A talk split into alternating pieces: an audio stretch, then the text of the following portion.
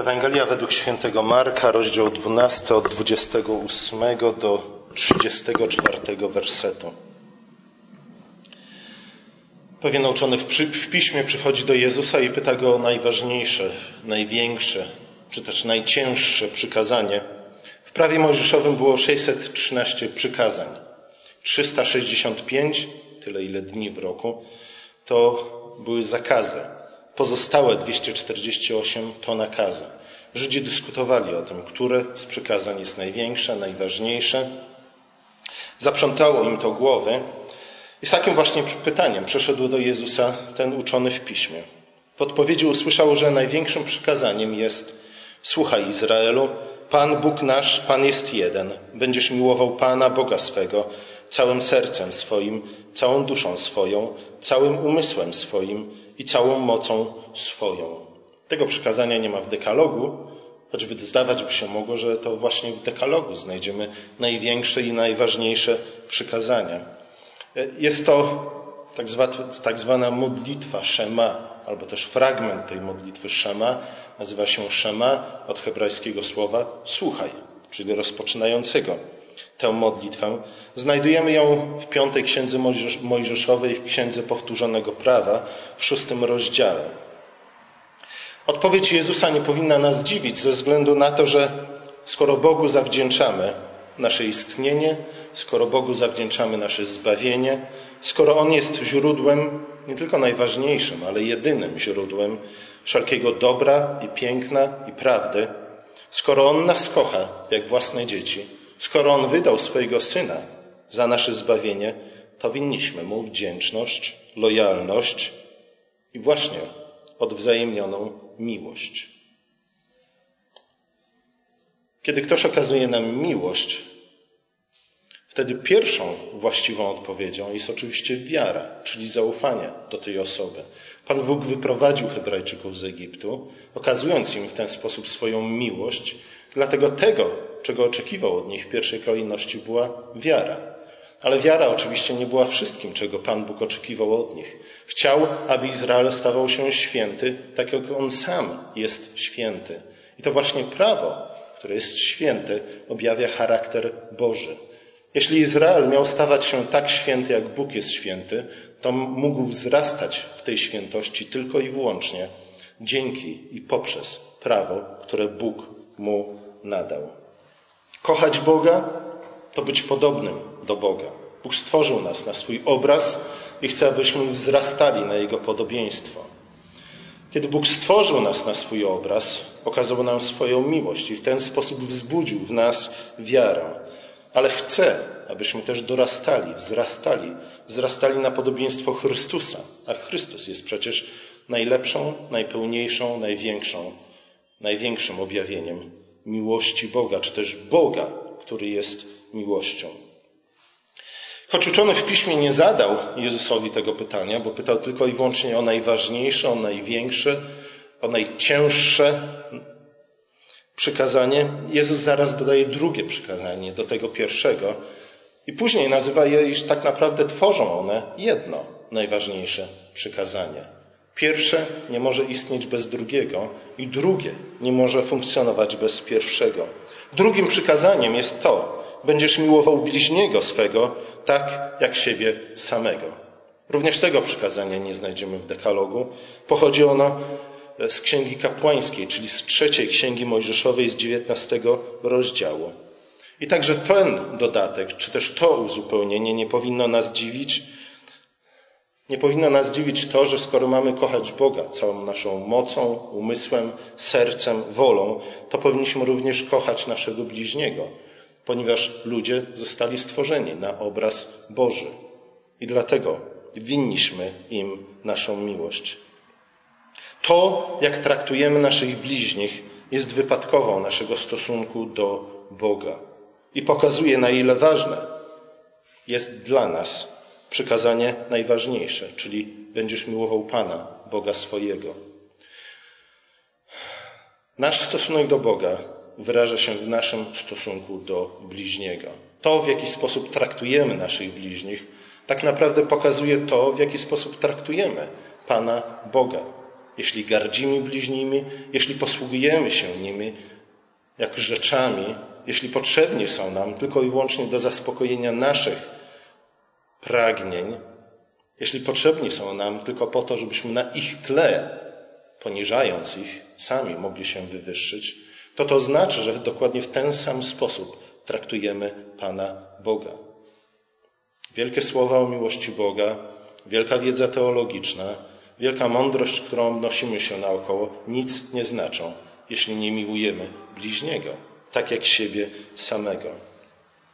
W taki sposób rozumuje Jakub, który w swoim liście stwierdza, że ten sam język, który błogosławi Boga, nie może przeklinać ludzi stworzonych na jego podobieństwo. Dla Jakuba te dwie rzeczy są połączone. To, w jaki sposób traktujemy naszych bliźnich, którzy są tak jak my stworzeni na obraz Boży, wskazuje na to, jak tak naprawdę traktujemy samego Boga. Oczywiście wiem, że Pismo Święte każe nam przeklinać naszych wrogów, ale to inny temat. Nie? To jest inny temat, dużo by można mówić na, na ten temat. E, wymagałby on osobnego wykładu albo trzech, ale po części myślę, że kazanie dzisiejsze wyjaśni nam, w którym kierunku powinno iść nasze rozumowanie na temat tego, co to znaczy. Nie? Modlić się na przykład psalmami przeklinającymi. Warto uwagi jest to, że Jezus w swoim wyborze właśnie nie udał się do dekalogu, ale udał się do innych części prawa, czy też pięcioksięgu mojżeszowego. Stąd wyciąga się wniosek, który wydaje się być słusznym wnioskiem, iż właśnie ta pierwsza część tego najważniejszego przykazania o miłowaniu Boga stanowi podsumowanie, odnosi się do pierwszej części dekalogu gdzie właśnie znajdujemy przekazania mówiące o tych najważniejszych zasadach, jakimi mamy się kierować w naszych relacjach z Panem Bogiem. Drugie z kolei przykazanie, czy też druga część tego największego przykazania odnosi się do drugiej części dekalogu, gdzie znajdujemy najważniejsze zasady, którymi mamy kierować się w naszych relacjach z bliźnimi.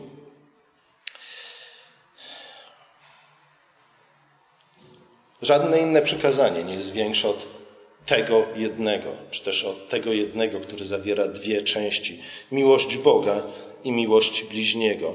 One są największe, one są najważniejsze, one są pierwsze, ponieważ stanowią jednocześnie źródło, jak i podsumowanie wszystkich pozostałych przykazań. Sprawiedliwość bez miłości nie jest sprawiedliwością. Z drugiej strony, miłość, która nie jest wyrazem sprawiedliwości, też nie jest miłością.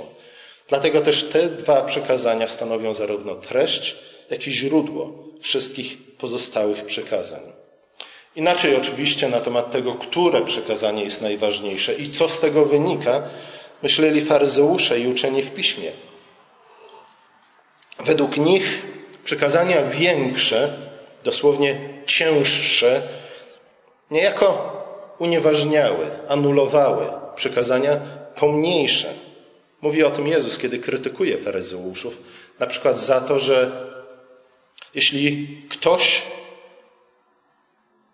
daruje pieniądze, które powinien oddać swoim starym rodzicom, po to, aby nie umarli z głodu, jeśli ktoś zamiast wesprzeć finansowo swoich rodziców, nie, a do tego zobowiązywało prawo mojżeszowe, jeśli zamiast tego przekażesz swoje pieniądze na cele kultu religijnego, to jest zwolnione z obowiązku wspierania finansowego swoich rodziców.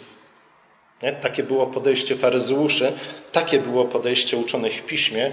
Oznaczało to, iż przykazania ważniejsze niejako anulują przykazania pomniejsze. Stąd też tak istotna dla nich była ta dyskusja na temat tego, które przykazania są najważniejsze, a które są mniej ważne, a którymi generalnie rzecz biorąc nie powinniśmy się za bardzo przejmować.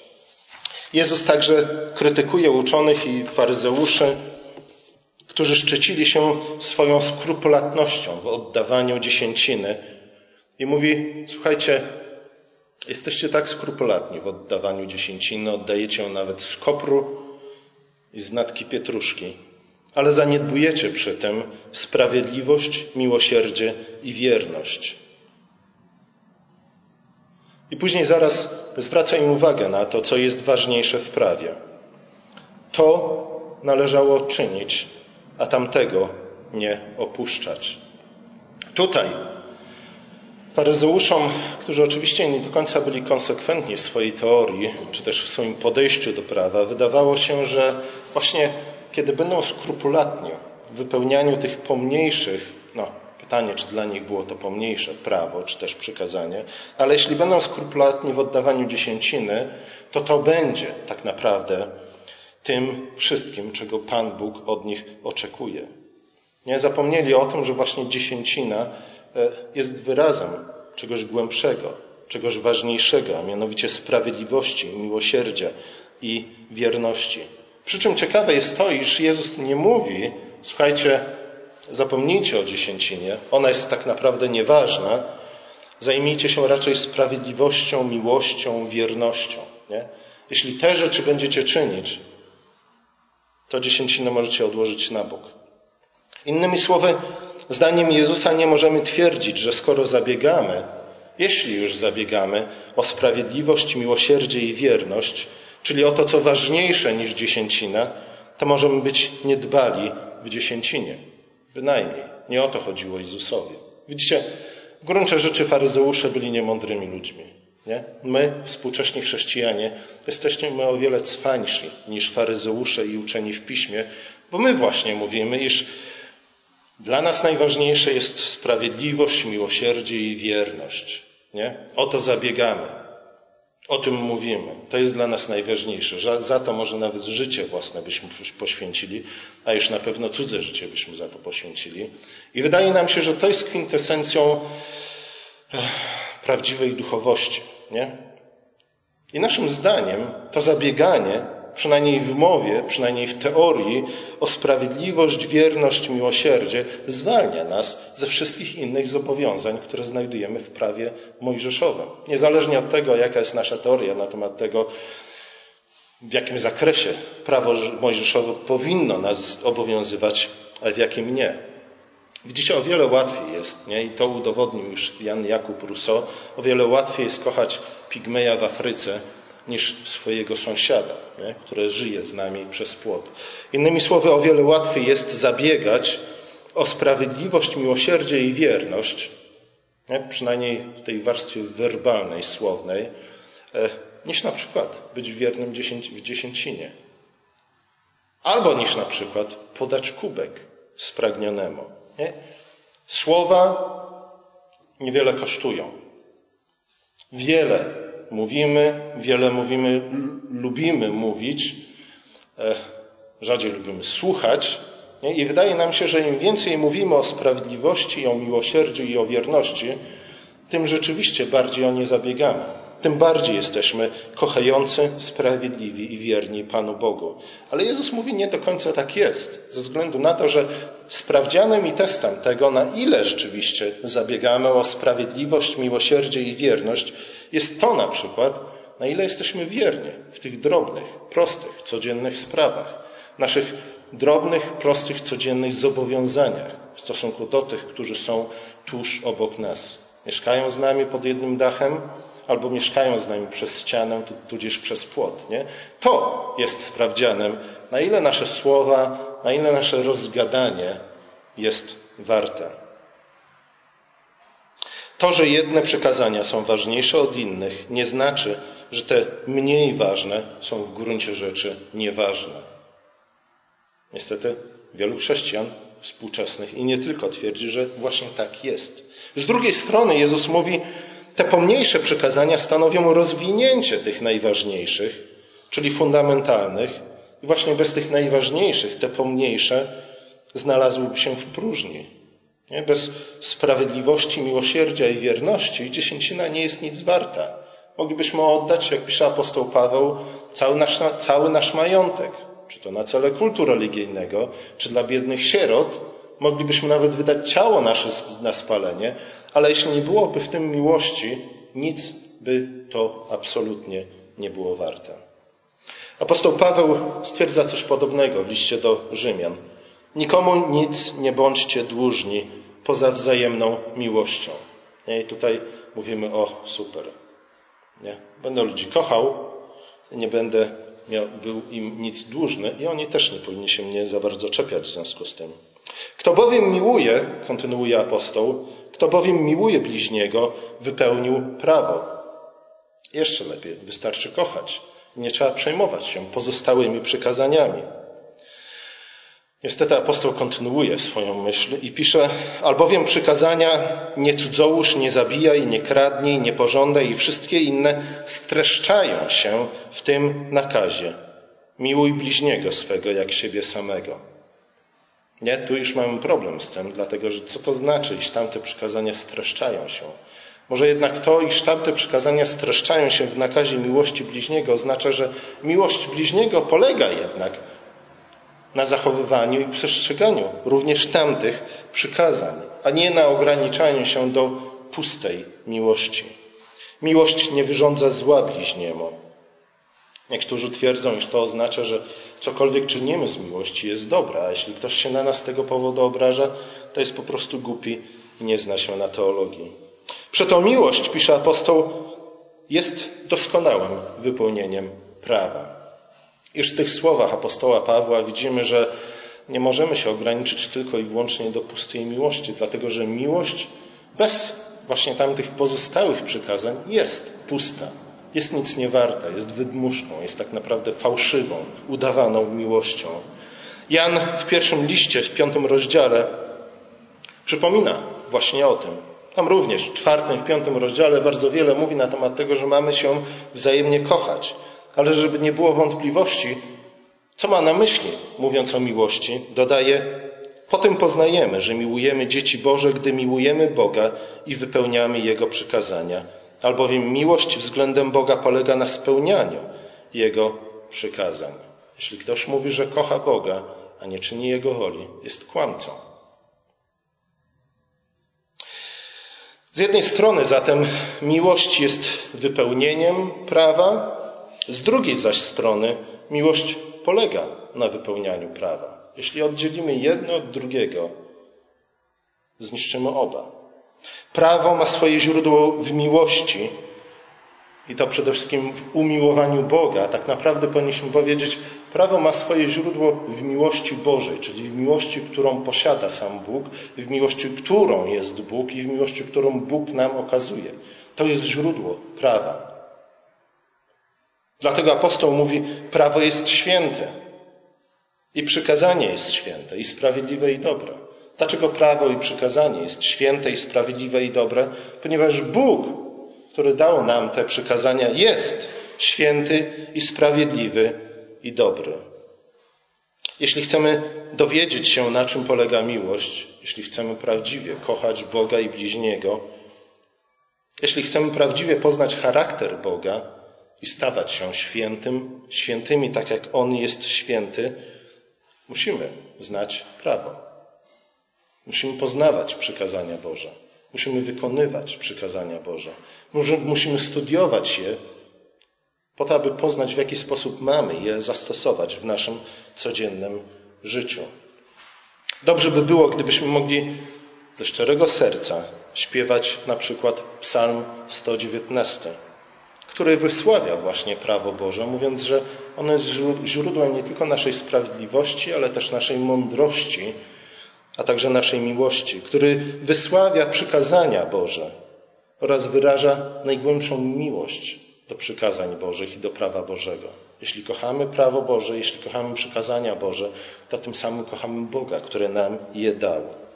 One są naszą mądrością i one są naszą chlubą. Niestety czy to przez lenistwo, wydaje mi się, że to jest nasz główny problem, ale czasami też z niezrozumienia dzieła Jezusa Chrystusa i tego, w jaki sposób przyjście Chrystusa nie, zmodyfikowało do czasów, do rzeczywistości nowego stworzenia, to te przekazania, które Bóg dał swojemu ludowi przez Mojżesza, z tych dwóch powodów, przez zlenistwo, przez niezrozumienie, Wielu chrześcijan uważa za ważne, nie uważa za ważne i za przydatne poznawanie przykazań Bożych. Wydaje mi się, że jednak tutaj chodzi o lenistwo. 613 przykazań. Nie? Któż by się w ogóle chciał ich nauczyć? Któż chciałby je czytać? Jak księgi mojżeszowe, pierwsza, druga są ciekawe, bo zawierają jakieś historie, ale już trzecią? Jeśli kiedyś w przypadku udało nam się ją przeczytać, to prawdopodobnie nigdy do niej nie wróciliśmy. Nie? Cóż nas obchodzą te wszystkie szczegóły i detale dotyczące kultu, nie? ale to też jest część prawa, które Bóg nam dał.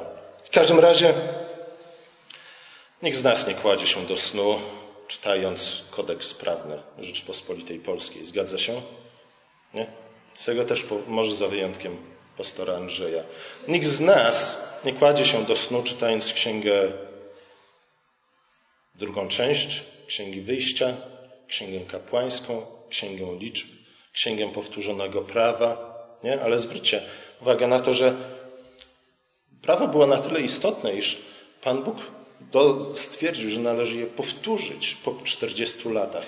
Przypomnieć nie tylko Hebrajczykom, ale żebyśmy my sobie powtarzali, żebyśmy my, czytając to prawo, przeszli przez nie dwukrotnie. Nie? Jeśli Pan Bóg powtarza coś, w swoim słowie, to najwyraźniej chce zwrócić naszą uwagę na to. Często uważamy chrześcijaństwo za taką uproszczoną wersję religii starotestamentowej. Nie? Dlatego lepiej jest w gruncie rzeczy być chrześcijaninem, niż być na przykład e, wyznawcą judaizmu. Zgadza się? Jest to wiele prostsze. Nakłada na, na nas to o wiele mniejsze zobowiązania. A jeśli już nakłada na nas jakieś zobowiązania, to uważamy je za tak mgliste, tak niezdefiniowane, że możemy zrobić z nimi co chcemy. Nie? Sprowadziliśmy chrześcijaństwo do dwóch przykazań miłości bliźniego i miłości, miłości Boga, tak naprawdę pozbawiając je w znacznej mierze ich treści. I dlatego wygodniej jest być chrześcijaninem, niż być wyznawcą judaizmu, czy nawet niż być wyznawcą islamu, który zresztą też jest o wiele najbardziej chyba uproszczoną, tak de facto, wersją wszystkich tych trzech religii. W każdym razie lubimy powtarzać z tego względu za świętym Augustynem słowa kochaj i czyń, co chcesz. Nie? Cudowne słowa, piękne słowa i również strasznie prawdziwe słowa, e, ale słowa, z którymi możemy zrobić cokolwiek chcemy. Nie? Te słowa mogły być hasłem Światowych Dni Młodzieży, i jednocześnie te słowa mogły być hasłem czego? Woodstocku na przykład. Zgadza się? Nie? Kochaj i czyń co chcesz. Czyż Pan, który organizuje Woodstock, tak naprawdę nie posługuje się parafrazą tych słów? Jak one brzmią? Rób ta, co chce ta, nie? E, w domyśle oczywiście, jeśli kochasz swojego bliźniego.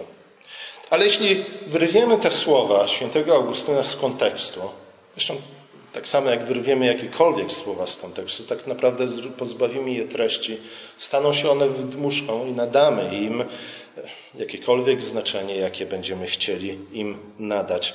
Te słowa pochodzą z homilii, czyli ze zbioru kazań świętego Augustyna, właśnie do pierwszego listu Jana. E, dotyczą piątego rozdziału pierwszego listu Jana, gdzie Jan stwierdza, iż Bóg jest miłością, ale kochać Boga oznaczać wykonywać Jego przykazania.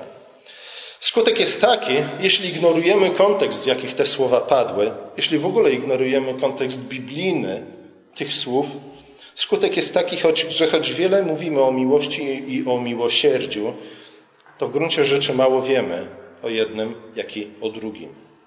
Jezus mówi w kazaniu na górze o ludziach, którzy lubią powtarzać Panie, Panie, Panie, Panie, stwierdzając jednocześnie, że ich wielomóstwo wcale nie świadczy o tym, że są blisko Pana. Nie? Wcale nie świadczy o tym, że są prawdziwie religijnymi ludźmi. Nie? Wręcz mówi, nie bądźcie wielomówni jak poganie. Mniej mówcie, a więcej słuchajcie i róbcie, mówi święty Jakub. Warto dlatego pamiętać w kontekście, nie? próbując zrozumieć to, co powiedział święty Augustyn, nie tylko przeczytać generalnie rzecz biorąc jego homilię, do pierwszego listu do Iana, ale także pamiętać o słowach, które wypowiedział pewien teolog. Nie będę mówił kto, bo jest to teolog niezbyt lubiany w naszych kręgach. W każdym razie on powiedział, o ile kochasz, tak, kochań i czyń co chcesz. I uzupełnia tutaj ten teolog to następującym stwierdzeniem, o ile kochasz wystarczająco. Któż z nas kocha wystarczająco?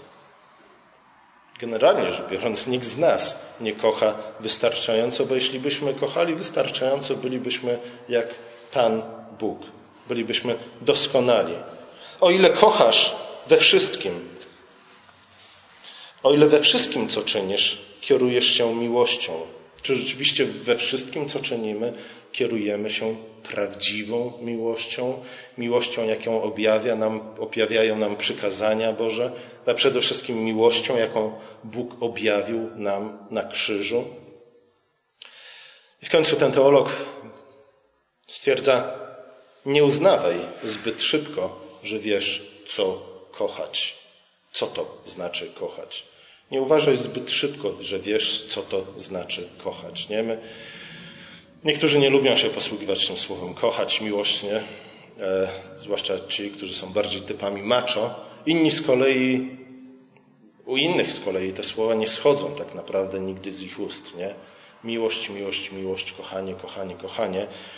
E, pytanie, czy rzeczywiście wiemy, o czym mówimy. Nie? I skąd mamy wiedzieć, o czym mówimy, gdy mówimy o miłości. Jak zauważył święty Augustyn, często pobłażliwość uważamy za miłość, często tolerancję uważamy za miłość. Z drugiej strony, surowość często bierzemy za wrogość, czy wręcz za nienawiść. Ktoś, kto mi się sprzeciwia, najwyraźniej mnie nie kocha. Nie? Czy tak często nie traktujemy innych ludzi, czy ten, do tego często nie sprowadzamy miłości? Nie? Jeśli bym nie kochał, to by się ze mną zgodził. Jeśli bym nie kochał, poklepałby mnie po plecach i powiedział: O, jaki jesteś fajny. Nie? Jeśli bym nie kochał, nie wymagałby ode mnie tego, czego ja nie chcę czynić. Przecież ja kocham, a skoro ja kocham, to znaczy, że ja jestem definicją miłości i ja określam to, jak należy mnie kochać, jak ja powinienem kochać innych. Ale nie o to chodzi w miłości. Nie? To nie my jesteśmy źródłem miłości, tak samo jak nie my jesteśmy źródłem sprawiedliwości. One przychodzą do nas od Pana Boga nie? i od Niego mamy uczyć się jednego i drugiego. Często mówimy, wskazujemy na Chrystusa, który umarł na krzyżu, co było objawieniem najpełniejszym Bożej miłości. Rzeczywiście tak jest. Nie? Zapominając o tym, że ten sam Jezus zaledwie kilka dni wcześniej biczami wygonił ludzi ze świątyni. Gdyby u nas jakiś duchowny próbował coś takiego zrobić, jakby go nazwano, jakby go określono. Oczywiście możemy powiedzieć, a Jezus mógł, w końcu był Bogiem, nie? ale pamiętajmy o tym, że również w tym wygonieniu przekupniów ze świątyni okazał, miłość Bożą. Zarówno do tych, których wyganiał, jak i do tych, dla których ich wygonił. Zapominamy i nie chcemy pamiętać, że miłość często karci, karze, że miłość często zadaje nam ból. Jak gdybyśmy próbowali zdefiniować, czy też ocenić miłość matki do swojego dziecka, ten sposób, w jaki zazwyczaj na co dzień posługujemy się tym terminem miłość, musielibyśmy stwierdzić, że te najlepsze matki są najprawdopodobniej najbardziej okrutnymi matkami jednocześnie. Nie? W związku z tym nie kochają swoje dzieci, ale wręcz je nienawidzą. Nie? Jak często matka odmawia dziecku tego, co dziecko chce, doprowadzając to dziecko do rozpaczy, czarnej rozpaczy. Zgadza się? Dlaczego matka to czyni? Oczywiście zdarzają się jakieś rzeczywiście pokręcone matki, które wyżywają się w ten sposób na swoich dzieciach, ale normalna, przeciętna matka czyni to, zadaje zarówno fizyczny, jak i psychiczny ból, który często jest gorszy od fizycznego, nie? E, dlatego, że kocha swoje dziecko. Dlatego, że wie, iż to dziecko, gdyby spełniła wszystkie zachcianki swojego dziecka zniszczyłaby mu życie i nie okazałaby mu żadnej miłości. Miłość często karci, karze, bije, dlatego że miłość chce tego, aby obiekt tej miłości, osoba, którą okazuje miłość, także wzrastała w miłości, na podobieństwo Chrystusa. Aby nie ta druga osoba nie pozostała na zawsze wrogiem albo też dzieckiem, ale żeby stała się osobą dorosłą, tudzież bratem. Z drugiej strony zapominajmy o tym, nie chcemy pamiętać, że nienawiść bardzo często schlebia nam. Nie, przeczytajmy przypowieści, przysłowia Salomona. Nie, tam Salomon ma wiele do powiedzenia na temat tego, na temat schlebiania. Mówi, słuchajcie, trzymajcie się z dala od ludzi, którzy wam schlebiają. Dlatego, że najprawdopodobniej nie są oni waszymi braćmi ani przyjaciółmi, ale są waszymi wrogami. I gdy otoczycie się takimi ludźmi, upadniecie, a upadek wasz będzie wielki. Pochlebstwo jest tą techniką, którą bardzo często posługuje się nienawiść, ale my bierzemy pochlebstwa za przyjaw miłości, przynajmniej za przyjaw przyjaźni. Nie znamy miłości, nie rozumiemy jej, ponieważ nie znamy i nie rozumiemy przykazań Bożych, w tym również prawa mojżeszowego, o którym Jezus powiedział: Nie sądźcie, że przyszedłem znieść prawo albo proroków, nie przyszedłem znieść, ale wypełnić. Popełniamy w tym błąd, przypominający niejako błąd faryzeuszów i uczonych w piśmie. Oni, skupiając się na szczegółach prawa, zapominali o jego istocie. Będąc wiernymi w dziesięcinie, zapomnieli o wierności, o miłości, o sprawiedliwości. My z kolei skupiamy całą naszą uwagę na miłości i w ten sposób zaniedbujemy te szczegóły prawa. A zatem pozbawiamy tym samym miłość jej treści. Czynimy z niej pustą, nic nieznaczącą wydmuszkę. Czynimy z niej jej karykaturę, tak na dobrą sprawę. Nie poznajemy charakteru Boga, nie poznajemy miłości Boga, objawionej między innymi w przykazaniach, w związku z tym też nie wzrastamy na Jego podobieństwo, ale raczej wzrastamy na podobieństwo naszego wyobrażenia Pana Boga. Nie stajemy się dlatego coraz bardziej świętymi, tak jak Bóg jest święty, ponieważ nie za bardzo rozumiemy, na czym polega świętość Boga.